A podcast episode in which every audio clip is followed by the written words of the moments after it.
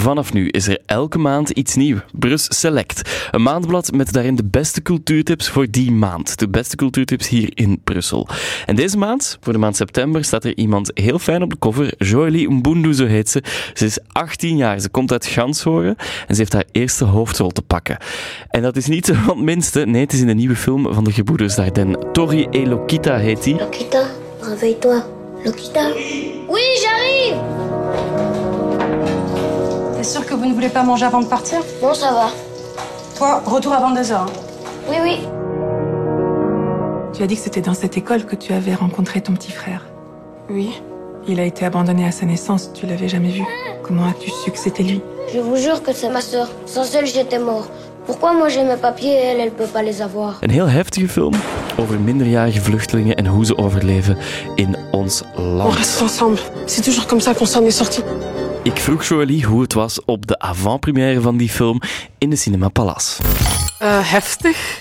Ik ben net afgestudeerd, dus ik ben blij dat ik eh, daar eh, binnenkort mijn job van kan maken. En hopelijk daar echt mijn job kan van maken. En nu ben ik volop bezig met promotie voor de film en ik kijk er naar uit. Ja, want ga je nu nog verder studeren? Ja, dus Ja. ik kwam me inschrijven voor een filmschool, maar dat was niet mogelijk, want ik heb me daar echt laat aan begonnen met de inschrijvingen. Het jammer Dus kun je toch een uitzondering Ah, maken? Je speelt mee in de nieuwe film van de gebroeders Dardenne. Ja, dat is wel wat contradictief. Maar ja, maar dus ik ga eh, waarschijnlijk echt gewoon dit jaar eh, helemaal vullen met eh, creatieve projecten. Hopelijk ook filmprojecten. En ehm, dan gewoon misschien talen studeren. Oké, maar je gaat dus toch op dat vlak nog een soort plan B verzinnen. Nu, ik denk dat plan A waarschijnlijk wel zal lukken. Want ja, je- de, nieuwe film de gebroeders Dardenne, dat is big, big business. Hoe hebben zij jou gevonden?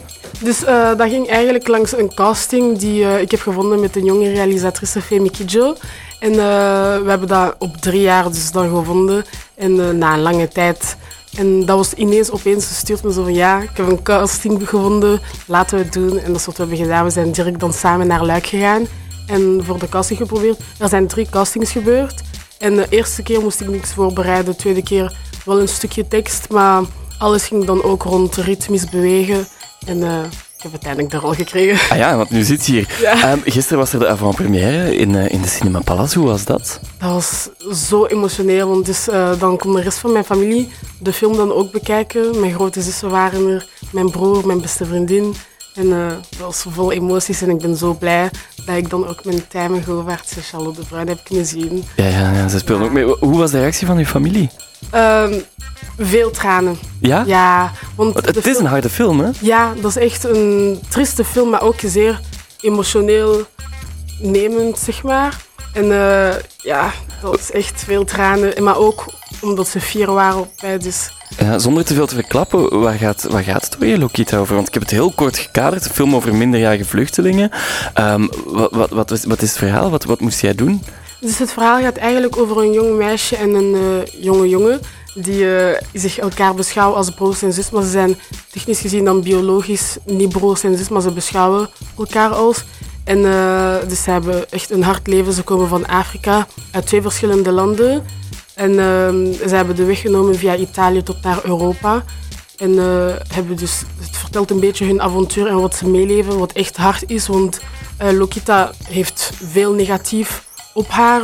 Dus de mensen ook rond haar gebruiken haar, misbruiken haar. En de enigste persoon dat ze heeft voor haar is de story in het verhaal. En ehm, ja, dat is En alles wat ik kan zeggen. Hoe was, het voor, ja, hoe was het voor jou om zoiets te spelen? Ehm, het was vrij emotioneel heftig, want tijdens het filmen voel je dan ook die hele negatieve vibes dat rond Lokita echt gewoon ronddraait. Dus, er zijn personages die je al kan zien in de trailer dat haar echt letterlijk gewoon fysiek en mentaal dan ook gaan misbruiken. En ze vraagt dan ook om niks, gewoon om te kunnen overleven met haar kleine broer. En eh, ja, maar dan, dat was echt zo zeer contradicties met mijn karakter, want ik ben zo zeer positief vibe. Ja, dat merk ik. Ja? Heel vrolijk. Maar moest, moest je dan soms er, er zo wat uitsnappen? Zo van, oké, ik heb nu iets heel heftig gedaan. Wat hielp was eigenlijk zeer tussen de scènes en er was zo'n familievibe op het set dat dat hielp gewoon echt constant. En dus mee- bij de laatste scènes allee, voelde je echt die vibe, want eh, de laatste scènes gebeuren voornamelijk op één plaat. En dan was het ook zo vochtig, zoals we kunnen zien op de trailer. En eh, ja, zeer donker, somber. Maar daarna was het uh, toppie, omdat uh, met de mensen met wie ik werkte was dat echt gewoon fantastisch en ik leerde zoveel van hun. Dat was ongelooflijk. Dat is gewoon zoals een familie en ik beschouw ze nu tot nu toe ook nog steeds als een familie. het is heel mooi. Volgende week de grote release. Hè. Dan kan iedereen gaan kijken. 7 september komt hij uit. Dat is volgende week woensdag nog exact een week. Ja. Ben je er klaar voor dat uh, iedereen de film gaat zien? Ja, ik stress een beetje, maar een goede stress. Want ik kijk er echt naar uit dat iedereen de film gaat zien. En ik hoop dat ze echt allemaal de cinemas gaan binnenstormen. Ga jij, ga jij stiekem nog eens kijken? Zo in het publiek gaan zitten ergens? Uh, zo laat s'avonds? Want uh, ik had gepland om zo echt met mijn hele vriendengroep die film dan gewoon samen te gaan zien. Maar momenteel is dat echt nog moeilijk voor mij om die film dan gewoon te zien. Want zichzelf zien op zo'n groot scherm ik vind het moeilijk. Dat is zo moeilijk. Ja. ja, want dan kan ik me echt niet concentreren, want ja, de eerste scène is al een grote plan op mijn gezicht, dus ja. Oké, maar dat kan ik mij absoluut wel inbeelden. Dat is gigantisch, ja, hè, een bioscoop. Er komt nog veel op je af, want je, volgende week zit je in Colorado. Of, ja.